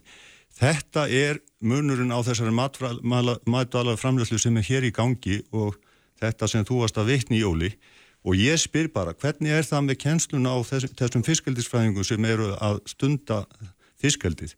Er, er mönnum virkilega ekki uppálagt þegar þeir sjá að dýrin eru meira og minna bara orðin holdið eitt að gera eitthvað í málunum því að þetta er ekki að gerast á nokkrum dögum eða stuttum tíma. Þannig erum við með miljón fiska. Þetta er svífurilegt dæmi og eins og allt þetta sem að uh, Óli taldi sem slæmdæmi þetta gerist árlega í fiskaldi áratugum saman, þetta mun ekki breytast varandi sjókvíaldi því að þetta fylgir sjókvíaldi mm söpuskapur og tilherrandi vandamál fyrir náttúru landsins og við getum afstýrt þessu. Það, það er það góða í þessu og það þarf að gerast. Og það gerist ekki greinlega af hálfu stjórnvalda og við þurfum áframaldandi mótmæli og þau hafa verið kerið í gegn í öðrum löndum og það er alveg eins og með sérfræðingarna þar sem að Óli vil meina, við veit ekki hvað eru að gera að það fólk, það fekk nóg. Og það, það er búið að keira í gegn bann við þessum uh, subbuðinaði víða um heim. Við skulum hérna, Ólafur, við þurfum alltaf að fara að ljúka hérna en Já, já, það er auðvitað sko hryggilegt að menn þurfa að farga þarna miljón segðum og uh, það kann vel að vera að, seiði að það þurft að vera meiri árverk hefði þurft að vera meiri árverkni í því samengi og auðvitað til leiðir til þess að reyna að stemmast við, við lagsalús en þetta er, þetta er samt sem áður svona í, í öllum búskap já, að það verða uh, verða pláur og verða, verður óára og, og það, er, það er því miður bara fylgifiskur í innvæntri maturafræðnislu allstaðar, í þú en- tala um sína já, kjóklinga já, já. En ertu, ertu sjálfur í hjartaðinu sannfærður um það að við séum ekki að taka það neins konar afdrefrika áhættu í augnablikinu? Er, er, þú, það er þín skoðun, er það ekki rétt skilið hjá mér? Ég held að við getum vanda okkur, við eigum náttúrulega vanda okkur og, við höfum kannski, eða greinin hefur kannski ekki vanda sér nógu mikið og farið aldrei geist. En ég er þeirra skoðunar að það sé skinsamlegt að framleiða fisk í kvíum, Mm. lax í kvíum. Eh, það er eh, eh, eh, umhverfislega getur það vel verið jákvægt en við auðvitað eigum að að geta náttúrunni. Ég er, ég er ekki að draga úr því. Nei, nei. Alls ekki að draga úr velferð og gera miklar velferðar kröfur. Og, og við höfum þetta að gera þær kröfur til okkar og sko við tölum um regluverkið og regluverkið hafi allt verið í mólum og svo framvegis en góðu bóndi á ekki að þurfa uh, eitthvað sérstakt regluverk til þess að að stunda vel sem búskap. Mm. og framlendur get ekki látlaust vísað í það og vant eitthvað regluverk. Mm -hmm. en ég held að þetta sé vel hægt. Þetta er auðvitað ekki án uh, verkefna eða vandamála. Alveg rétt. En, en verkefnið er að, að, draga úr þeim og finna leiðir og það verið gert mjög mikið. Já, þannig að við, við þekkjum afstöðu Jónsson en þín afstöð er svona svo að, að þessi nýjastu tíundi þau breyti engum það að við hefum að halda áfram að, að hérna, þróa sjókvíaldi við Íslandsrendur. Nei, ég held að umhverjinu stafi ekki sérlega hægt að, að lagseldi í kvíum og ég held að uh, Íslensku lagsastofnum stafi heldur ekki sérstök og opnaði og Það, það er ekki samfærandi heldur frá, frá þessari vísindanend sem að, mm -hmm. að Jóhannes vitna til þó þessi að þetta Já, við þurfum að fara að ljúka álagur hvernig, hvernig lagsastofnar mm. þróast í Norri veit það til dæmis þar sem að lagsveiði stöðu Já, við þurfum að fara, við þurfum að, fara að ljúka Já. Óli, ég bara fæ að segja hérna í lógin leggjum af sjókveildi og þú sem fiskildis maður uh, þú getur lagt þín loð og voðaskálarnar að hlúa að landeldi. Það er framtíðin. Heyri, hérna, já, takk fyrir að vera með okkur og takk fyrir að koma Jónas, alltaf merkilegt að sko, ég, ég var skammaði fyrir það að hafa ekki vísindamenn heldur hérna, áhuga fólk einhver tíman og að því að vísindamenn myndir leiða mig allan sannleikanum þetta, nú er ég komið tvo vísindamenn og, sem eru algjörlega öndur með þannig ég er ég er jafn lítlu nær eins og ég var í upphafi um það hvort er en ég held bara áfram nákvæmlega, heyrðu, bestu þakkir fyrir að vera með okkur og takk Jónis og hérna Finnbjörn Hermansson er fórst aðeins í og hann verður hérna eftir ögnum líka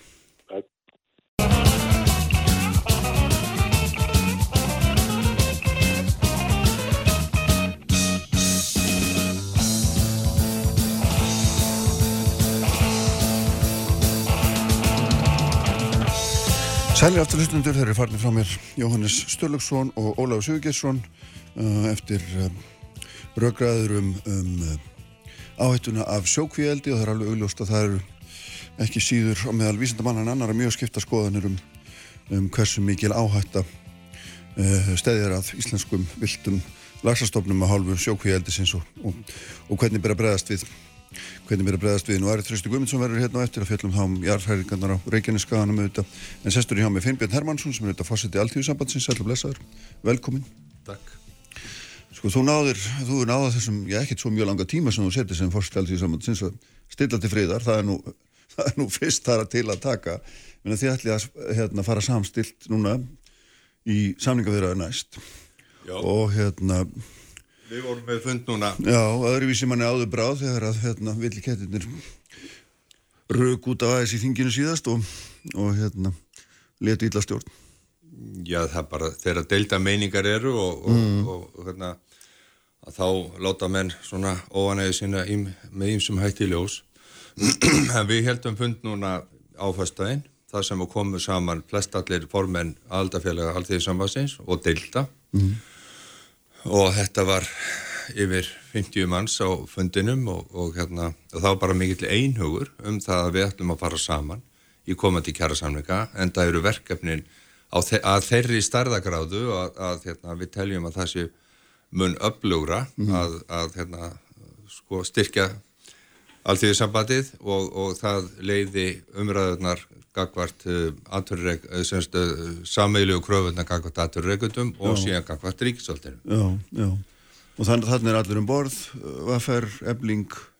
Já, já, það, já. það eru allir. Það þarf ekki að vera að telja neina upp. Það eru, það eru einfallega allir um borð. Já, já, já, nákvæmlega. Og þú helst þarna, hérna, sko, dundrandi pólitíska ræðu sem að það sem þú fórst nú í hvern málaflokkinu á fætur öðrum og þú talaður um að stjórnmálastjéttin væri fyrrt hún var í spilt, hún hefði hagsmunni launafólks að yngu, var í vinnu fyrir einhverja aðra. Það er svona kjarnin úr þessu sem að þú Já, sko, við erum búin að halda núna marga fundi. Það er búin að vera til dæmis tvö landsambasting, það er búin að vera landsamband íslenska vestlunumanna og svo starfsgörnarsambansins og ég er búin að vera á báðum þessu þingum og maður er búin að vera að hlusta á, á fólkið, hvað það hefur að segja og uh, þetta er svona bara þverskurinn af því sem, að, sem að er upplifun fólks á, á landinu. Mm. Uh, Alþýðisambandi er ekki að fara núna ringferður landið uh, til þess að réttlæta hagnað eins og sjávarútöru þarf að gera. Við erum heldur ekki að, að hérna, fara og, og, hérna, og tala um, tala um hérna, hvað fyrirtækin eru góð í landunni eins og samtöku aðunlýsins hafa verið að gera. En við þurfum aftur á móta að fara herrferð um landi núna til þess að, til þess að hérna, fylgja félagsmönnum á baki okkur. Þannig, þannig að við séum með mikinn slagkraft í komandi kjærasamningum mm -hmm. en, en við þurfum því miður ekki að réttlæta afkoma okkar hvað hann er góð En, en sko, hvað áttu eiginlega við með þessu orðalegum þetta er svona spilling og ferring og hérna og, og sko takt við þorra þjóðarinnar og svo framvegis, ég minna ef maður horfir á svona síðustu, ég veit ekki hvað um að horfa einhvern okkur á það líklega hagur okkar Íslandinga sjaldan verið betri ef nokkuð tíma Já, sko, það misskiptingin er bara að verða alveg svakaleg. Já. Ef þú skoðar, skoðar hérna kannanir vörðu, mm -hmm. að þá er bara fullt af fólki sem að hefur það bara mjög, á bara mjög erfitt að, fleita, að framfleita sér af launum sínum, mm. þó að sé full vinnandi. Og þar skipta uh, höfumáli hvort að fólk er í eigin húsnaði og hversu mikið það skuldar eða hvort að fólk er á legumarkaði og, og leikumarkaðurinn er bara vilt að vestri hérna í ögnubleikinu og það er um 20%, 20 félagsmanna alltíðisambansins á leikumarkaði og, og það er bara stór hópur. Og síðan er fólki sem hefur verið að kaupa undanfærin ár og það er með vexti sem að það ræður ekkit við lengur. Auðvitað er þetta fyrring að, að hérna, stjórnmáli skul ekki vera búin að bregðast við þessu. Mm og sérstaklega þessi, þessi húsnæðisvandi, hann náttúrulega er ekkit að byrja núna. Hann er búin að vera sapnast upp á undanförnum árum og er orðin alveg geigvanlegur og þetta er svo fyrring sem ég er að tala um. Já. það er engin að tala um þetta á alþingi að þurfa að bregast við þessu Húsnæðismálinu hafa náttúrulega verið gríðarlega mikið rætt og, og við veitum það eru miklar áallanir í gangi á halvu stjórnvalda það er búið hérna, semja við sveitafélögin og það er búið að setja á stofn húsnæðis og mannvíska stofnun sem er að kortleggja ástandi betur en gert hefur í gegnum tíðina og það eru uppi á allanum að byggja hvað 35-40 íbúður á 10 árum. En þú ert bara einfallega að segja okkur það þú er bara enga trú að það verið gert. Um, Sko það vantar mjög mikið af íbúðum. Ég mm. ætla ekki að fara að nefna neina tölu. uh, við, feng, við erum búin að fá áallanir og áallanir ofan. Mm -hmm. við erum búin að fara í gegnum það að byggingareglu gerði sér ómöguleg og það búið að vera að breyta henni með alls konar hætti og uh, ekki að gert þannig að, að hérna, uh, sko, það er ekki þannig að þetta sé að koma fólki óvart og það er búið að tala um þetta en það er ekkit gerst. Og það er það sem við erum að tala um. Ég sagði á, á, á byggingaþingi sem að haldið var að mannverkjastofnun húsnæðis og mannverkjastofnun nýlega að ég ætla að leifa mér að trúa því að þessi áallun sem er held ég númið 5 eða 6, ég er ekki alveg klára á númið hvað hún er að hún gangi eftir og við ætlum að einhanda okkur, verkefælisefingin, mm. með innviðar á þeirra að reyna að koma inn í framkvæmt.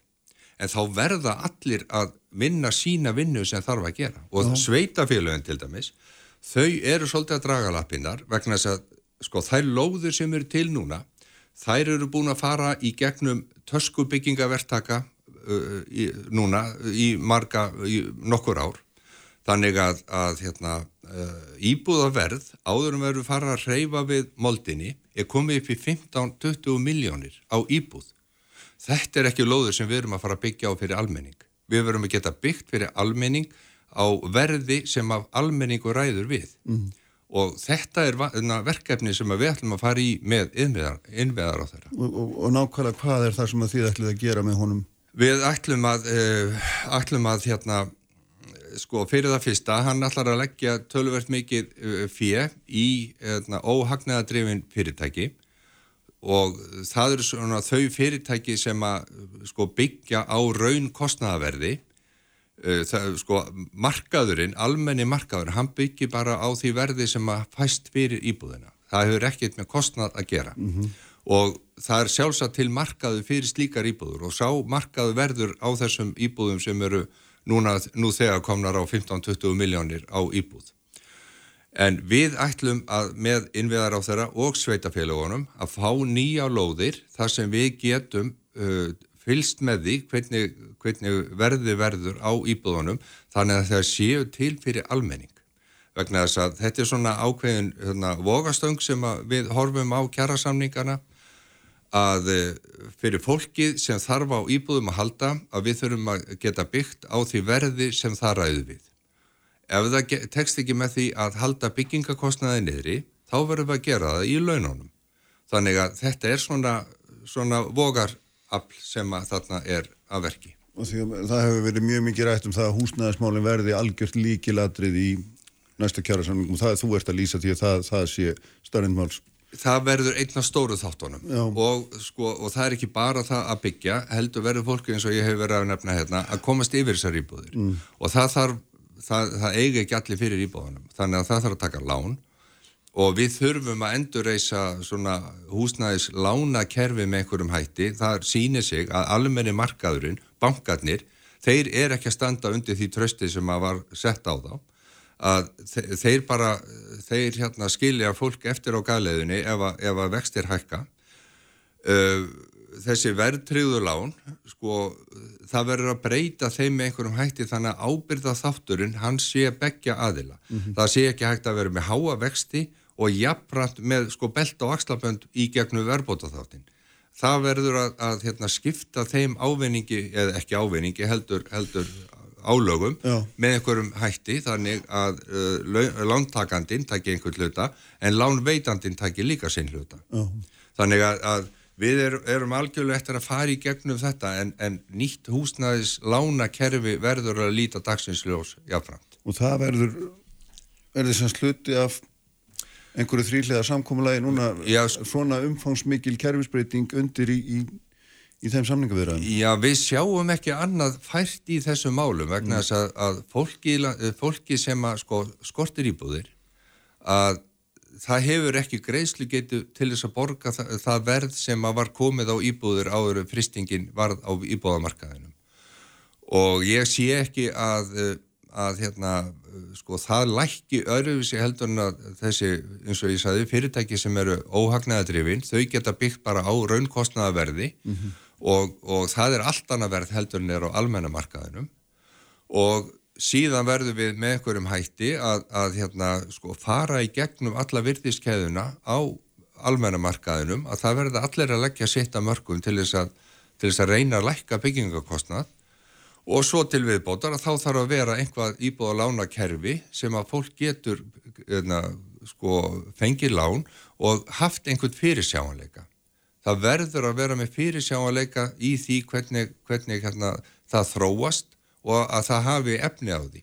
Eins og kom fram í, í hérna það var, það var hérna ráðstefna umbyggingar semst, um íbáðlánamarkaðin á vegum háskólans þar var ein ágæðskona hún sagði sko fólk það tristir á fyrstu afborgunum mm. og síðan ekki sögum meira vegna þess að veit ekkert hvernig lánið þróast og það er bara óásættilegt fyrir fjölskyldur í landinu mm. Mm. Þannig að, að ef ég skildir rétt að þá er markmið það að ná einhvern veginn með aðstóð ríkisins að stopna félög sem að hérna, eru til að koma út á nulli og lækka byggingakostnaðin Vi, Við erum með félag sem heiti, heiti Bjarg. Bjarga, já, já, já, veit, en það er nú fleiri ef þetta á að vera svona Já, síðan, síðan erum við með annað, annað hérna, fyrirkomulag Uh, sem að, sem að hérna, Vaffer hefur verið að hérna, uh, keira eftir sem að, sem að hérna, við erum að skoða hvernig gangi.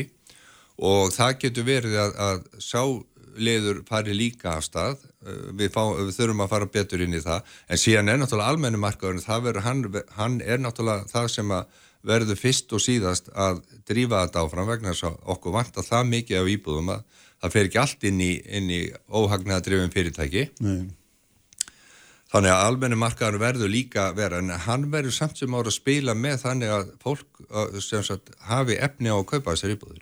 En er allar hugmyndur um að lífeyrisjóðunir verði aktífur á þessum markaði? Er þær, hafa þær bara verið setta til hlýðar? Nei, alls ekki. Það hafa talað um það að það kynna að vera mjög góða lust. Já, já, það, það, það kemur alveg til greina sko. Það, það er bara allt til skoðunar á þessu, þessu hérna, íbúðamarkaði í dag. Hvaða tíma ætlið ykkur í raun og veru til þess að, að hérna, fara í svona gríðarlega, Það- gríðarlegar umbætur, breytingar, kerfisbreytingar?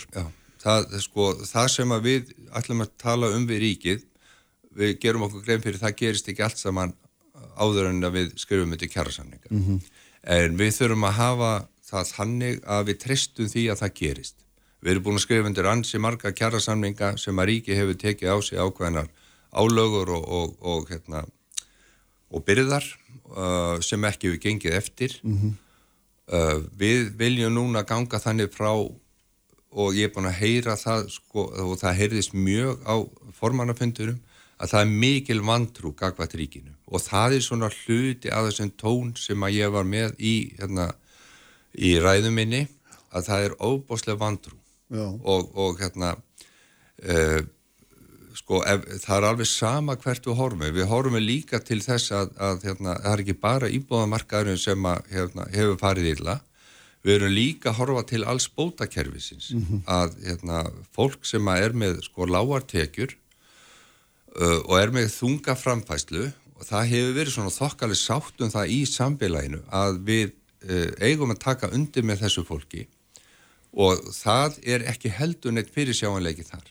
Við þurfum alltaf að vera að endurreisa kerfið við hverju einustu kjærasamninga og það á ekki að þurfa að vera þannig eins og, eins og ég var að segja að fyrir hvern eru alþengismenn að vinna. Það er ekki fyrirtækin sem þurfa að fara neyra á Östuvöllum mótmæla. Það er ekki sjávarútvörin sem þarf að fara neyra á Östuvöllum mótmæla. Nema einirskjarni þar. Af því þeir eru ekki í, í hérna, stóru samtökunum. Og þannig að þeir verðast lenda utan, utan garst það líka. Þannig að, að sko við viljum segja að alþingi á að standa við það sem er verið að lofa í hverjum einustu kjar, na, alþingiskostningum að verkalýshefingi þarf ekki að vera alltaf einhver afréttari á milli kostninga um það hvernig hlutinir eiga að ganga fyrir sig. Alþingi verður að fara að taka ábyrð á því sem að alþengismenn segja fyrir alþengiskostningar. Það er svona grundtótnin í því sem við erum að segja. Það er þessi ábyrð sem þú varst að tala um og lýsir eftir í raun og verum. Já, það er nákvæmlega hún. Ég vil að kjærasamningar uh, séu á milli aturregenda og launamanna.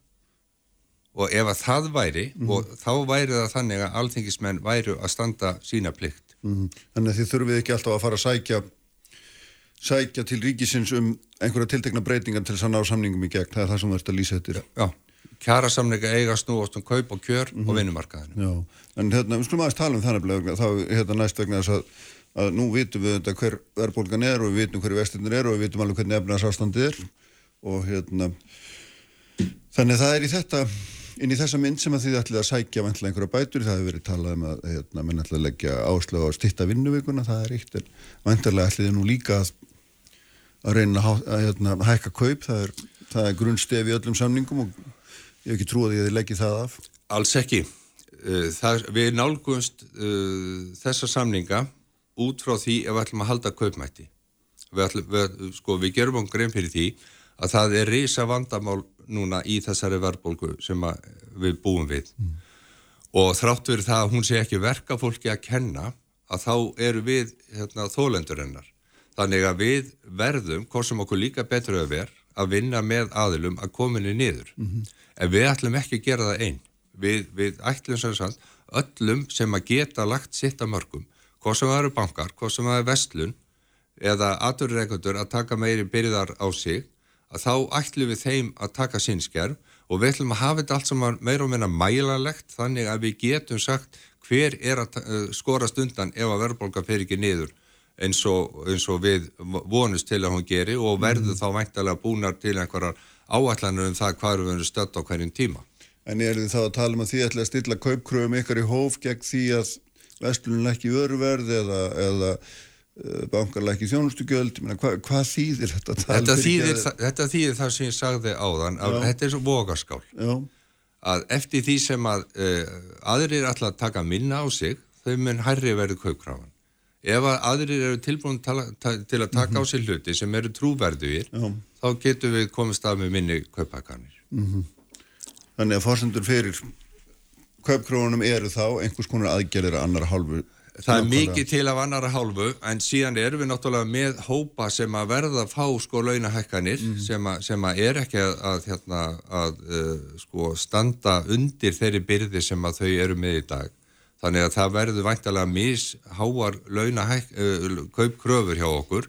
En við skiptum þessu eiginlega alveg í tvent að við erum með annars vegar sko kröfunar á ríkisvaldið og sameiginlega kröfur á atverðrengundur innan alltíðsambasins síðan fer hvert stjættafélag eða, eða landsamband með kröfur sem snúa að launalið uh, sinna kjara samninga Já, en við verðum náttúrulega í sko góðu kallfæri hvert við annað þannig, þannig að við verðum sem sagt svona að hluta til sameigilega þar líka. En, en, en uh, það verður ekki samt undir sko forræði, forræði alltíðsambansins nei, en nú, nú hérna, veistu alveg hvaða, hvaða rattir heyrast á móti eitthvað kröfum sem eru auðvitað það að laun hafa hækkað gríðarlega hérna undanförnum árum. Það er bara starrend mál, svo leggstu laun hafa hækkað mest og nú já. er þetta efnarsástand sem það er. Uh, er ekki bara ástæða til þess að býða rólegur og sjá hvernig þetta lagast heldur, en að hérna ætla að fara að, rugga óstöðum báti. Já, en, en sko ég er alveg sammála því að, að kaupmáttur hefur, hefur haldið, haldist uh, nokkurn veginn fyrir lálauna stjettinnar að því að við höfum hækka launi sérstaklega þar en millitekjurnar þær hafa sem sagt, verið að, tapa í kaupmætti. Þannig að við þurfum að skoða þann þáttinn með hvaða hætti það verið gert.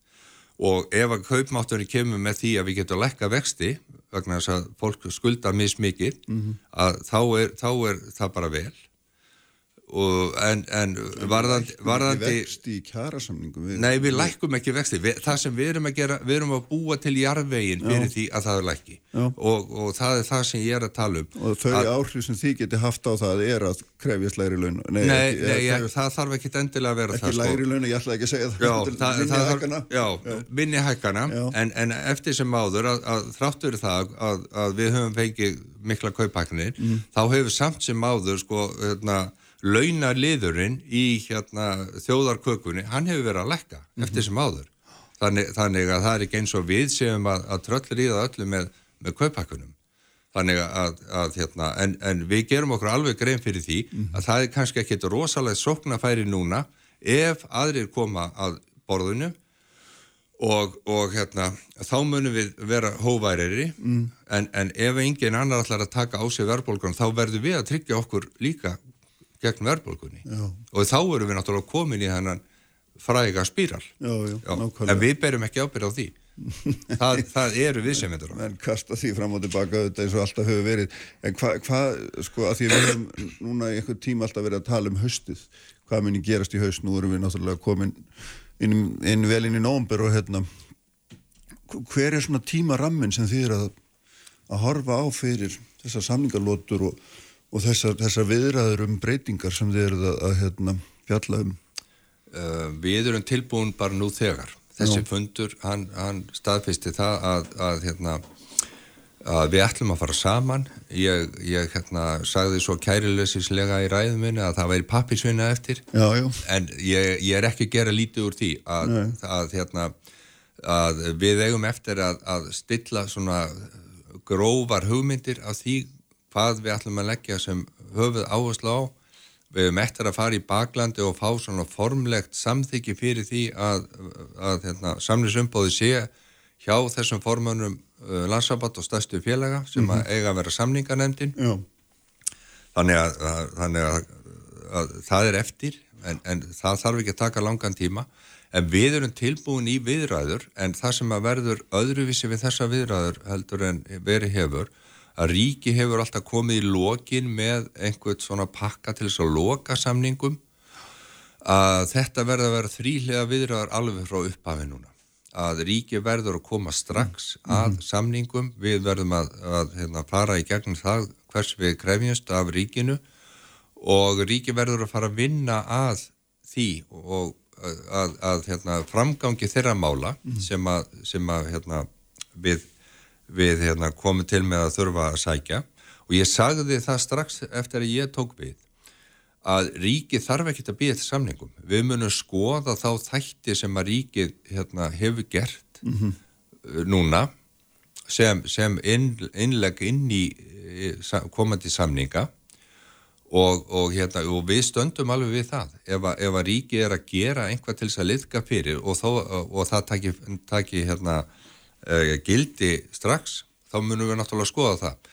En, en við erum eftir sem áður með mjög stóran pakka á ríkið og þetta er ekki allt saman kostnaðaliðir, þetta, er, eru líka liðir sem við þurfum bara að fá til þess að aga vinnumarkaðin betur þannig að, að hérna, þannig að við getum með, sagt með reysna við séum sko velferðarsamfélag mm -hmm. Við erum að tala um að þetta því ekki að fara á stað hérna frá fyrir en eftir árum út Við erum að fara á stað núna bara í þessu mánuði. Í þessu mánuði? Já, já. með viðræður. Já, með viðræður. Já, það já. er alveg klárt. Já, það er klárt. En, en hvena við skrifum undir, það er ekki fyrir við erum búin. Nei, nei. Já, það, það er bara, er, er svo liðs. Ég held að það sé ekki með nokkur um hætti að efast um þá staðrind. Já. Herru, takk fyrir að koma um björn og hérna verður frólægt að sjá hvernig þessu vindur öllu sem að fram. Ari Trösti er hérna hjá mér eftir önglablíkum. Réttir þjóðmál og pólitík, sprengisandur á bylgjunni. Sælirjáftur, hlustendur, Finnbjörn Hermansson, fasti að alltíðu sambandsins farin frá minni sestur í hér annar góðu gestur, Ari Tveisti Guðmundsson, járfræðingur, fyrirhund alþingismæður. Sæli blessaður, velkomin. Sæli sjálfur. En svo æfinlega þegar ég er að ristast að ringi í þig. Það er ekki kannski bestu, bestu tilefnum. Jó, hvað hérna, ég veit ekki, getur maður að spyrja hvað er að gerast á, Reykjanesinu núna? Hvernig, hvernig metur þú stöðuna? Hún er ekki góð og, og uh, nú er sagt, annað eldstöðvækjari í raun og veru komið í gang en það sem Já. var fyrrum Já. og það er svona, svolítið ólíkt því sem var á miðöldum þá leiði lengra á milli, milli þess að eldstöðvækjarin hukk í gang og uh, þetta er kvíkusöfnun að fara kilometra dýpið, það er ekkit grín Nei. Nei. þannig að ég lít svo á að staðan sé sérfið og, og, og það getur brúðið náttúrulega til begja vona bæði það að, að, að, að rumvöla gjósi og svo er alltaf jarðvísdamennum er alltaf að gera ráð fyrir því að þetta getur stöðvast og, og kvikan komist í lengra og svo verður þetta bara storknandi einskotum aldur og meðleik hverða Já, nákvæmlega. En sko það er, það er, hérna, það er hérna, umtalsvert landri sem við horfum aðeins yfir svona yfir alveg hérna skemsta tíman og síðan er þessi stöðu skjáltar, kvikan geysist þarna undir.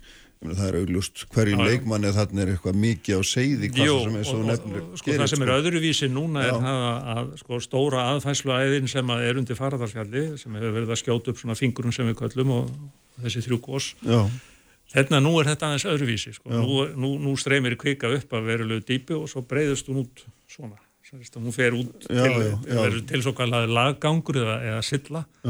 Og uh, hún breyðist þá yfir starra svæði ef maður sæði þetta ofanfrá mm -hmm. á einhverju tilteknu dýpi kannski fjóru kílómetrum eða, eða þann.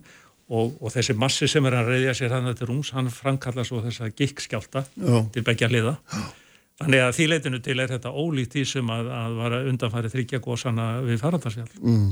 En hvað, sko, því maður er á erð með áttasjásu, hvað, hvað þýðir það að kvika sig á þryggja fjögra kílometra dýpi? Er hún þá í áttamöði hvaða kílometra? Já, já, já, ég meina Esjan er, Esjan er innan við kílometra hæð frá áttum og upp úr. Þá geta menn svona mjög við það til dæmis.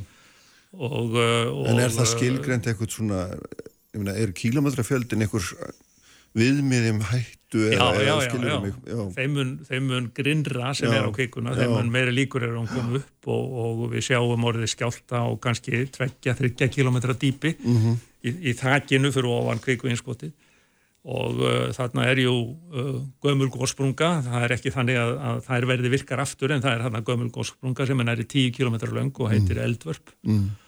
Uh, þannig að þarna voru umbrott uh, á 13. öld, miðja 13. öldina svona um það bil og, uh, og illa raun sem að bláa lónið í raun og veru og, og, og versmiðna hluta til ná yfir eh, það er, það er komið úr gígun sem eru þarna skamt undan, ekki mm. eldvarspunum uh, þannig að þetta er allt stórlega eldvist svæð og hefur verið en, en núna eru þessi 7-800 á liðin frá síðustu umbrótar hinn þannig að, að nú vil ég mér meina að þetta sé svona komið í gang langt tímabil sem að á einkennist af þessum góðsum og jarðskjáttarhinum kannski ólíkt í sem var þarna fyrir fyrir uh, 700-800 árum síðan mm. uh, en kannski á einhver leiti líkt og það þýðir það þá að það eru önnur eldstöðakerfi sem eru þá austar á, á skaganum sem að Já.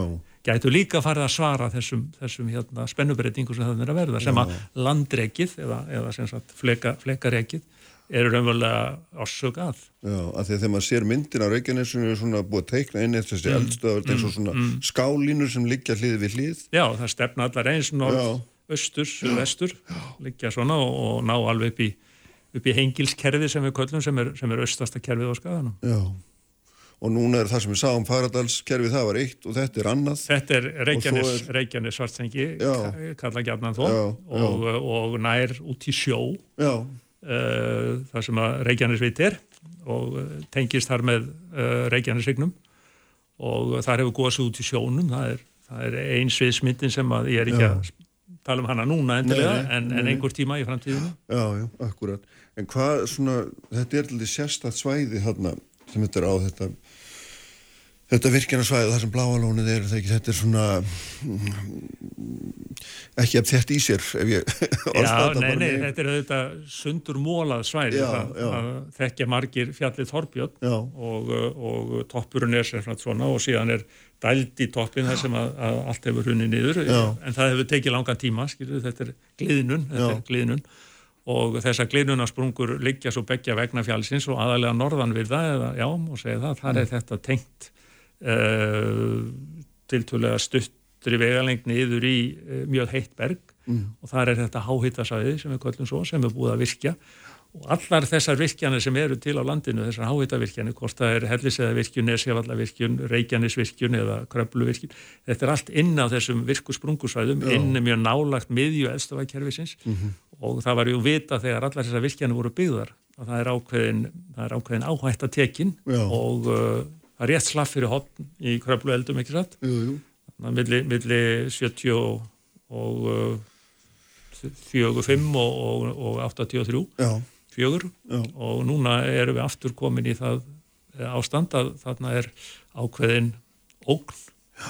sem hún, við verðum að bregðast við Já, hún er náttúrulega núna miklu, miklu meiri heldur en í, í þessum fyrirgósum, þar sem hafa orði á svæðum þar sem að Eðlilega. ekkert er en nú erum við að tala um allt annars konar Já, já, við erum að tala um bæði náttúrulega innvíðina sjálfa já. og þjónustu svæðið, öðlindagarðin á, á, á, á við Svarstengi og síðan uh, Grindavík og Nákvæðinni. Já, þetta er hérna, já, þetta er náttúrulega hrikalegt hérna, en eins og þú segir þetta réttlega og rétt að halda þetta frá haga því að þú hefur verið að áminna fólku þá netun líka að hérna, þetta, það eru þetta ekkit ekkert orðið ljóst hvernig Nei, raun og verið ekki og, og, og, og menn tala þá um þetta vöktunarkerfi og viðbraskerfi sem er til og það er, það er mjög góðu standi Já. og það er uh, mjög þéttmælanett það er sérfræðingar sem eru vakandi yfir þessu dag á nótt mm. þannig að, að, að, að það sem að gerist gætnar á undan svona eh, eldsumbrótonum sjálfum er að það verður mjög áköf smáskjáltavirkni ekki, ekki þessum hvernig góðsórói heldur bara einfallega mjög margir smáir skjáltar það getur þýtt þá nokkra klukkustunda eða margra klukkustunda fyrirvari. Að kvikanir komið það grunda hún er farin að, að virkilega að, að hrista efsta hluta yfirbósins mm -hmm.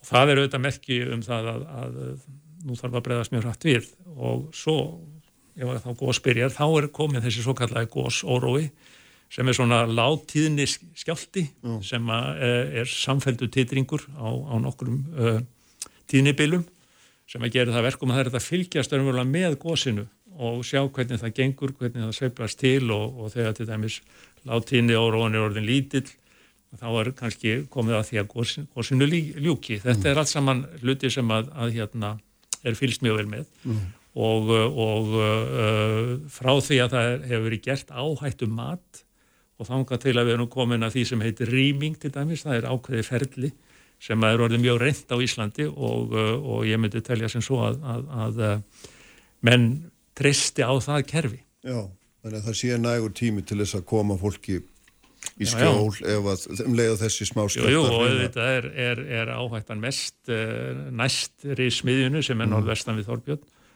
Uh, einhverjir 6 cm orðnir sem er ekki stort finnst manni en, en uh, það næri við alltaf stort svæði og síðan eru uh, gerfinhætta mælingar, skulum bara orða það þannig mm. uh, og, og aðferðafræði sem að gera það verkum og líkanreikningar að þú getur raun og veru áttaði á hvað er að gerast hvort að einskotið er svona sillulaga eins og ég var að tala um eða hvort þetta er kúlulaga eða, eða, eða hvort þetta er bara gangur kvíkvikt sprunga og það er að það gerir sig grein fyrir massanum sem þarna er á ferð. Já. svona einhverju, einhverju leiti ef það gerst þar á fyrir að þetta sé kvika.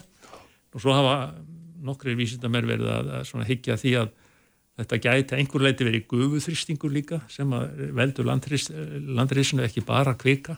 Er það því að það er svo mikið vatn nýri eða hvað? Já, það er bara einfallega, það er bæði náttúrulega er komið gufupúðið þarna út af vinslunni sem er mjög eðlilegt en það getur vel verið að hann hafi stækkað um, vegna kvíku einskota, fyrri kvíku einskota vegna þess að þetta er ju einlega fymta svona hrína sem verður akkurat þarna á þessu svæði frá Já.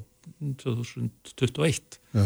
þannig að það hefur kannski verið dýbri, dýbra niðri einskota virkni sem að gera það verkum að svæðið fara að hittna einhverju leiti og gufubúðin fer þá að þrýsta á líka en, uh, en það er ekki hægt að gera upp á milli þess að nefna að framkvæma svo kallega þingdarmælingar á staðnum sem hefur nú svo sem ekki verið gert menn einfallega eru uh, í stórum dráttum sambálum það að þarna er kveiku einskot á ferðinni. Já, e, þetta er alveg magnað hérna.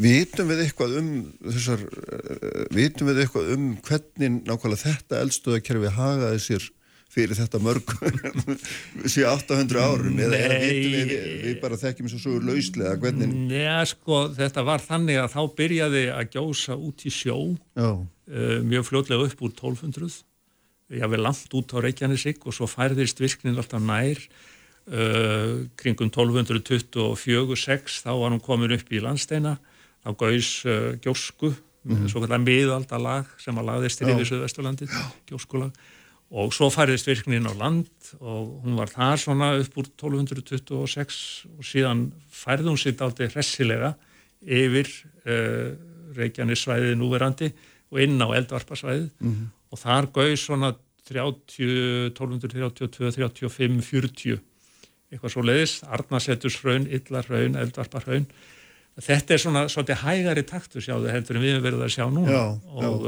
og, og þessi flutningu svo á milli kerfa það er nú svona sem álitamál hvað eru sjálfstækkerfi vegna þess að þú þarf líka bergfræðilega að aðtúa samsetningu kvikuna til þess að ákvarða hvaða elstofækkerfum tilheri mm -hmm. svo ég ætla ekki að fara út í það sjálfma en allavega þá, þá er þetta dáttu öðru vísi heldur en, heldur en var á, á, á, á þarna miðöldum. Já.